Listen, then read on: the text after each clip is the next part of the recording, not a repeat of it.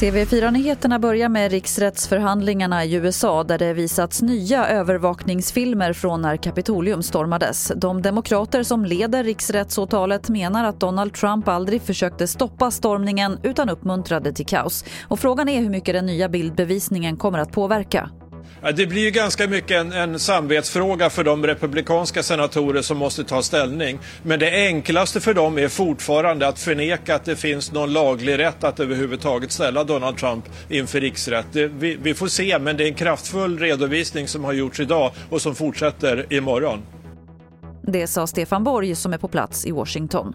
Och mer om riksrätten mot Donald Trump finns på tv4.se.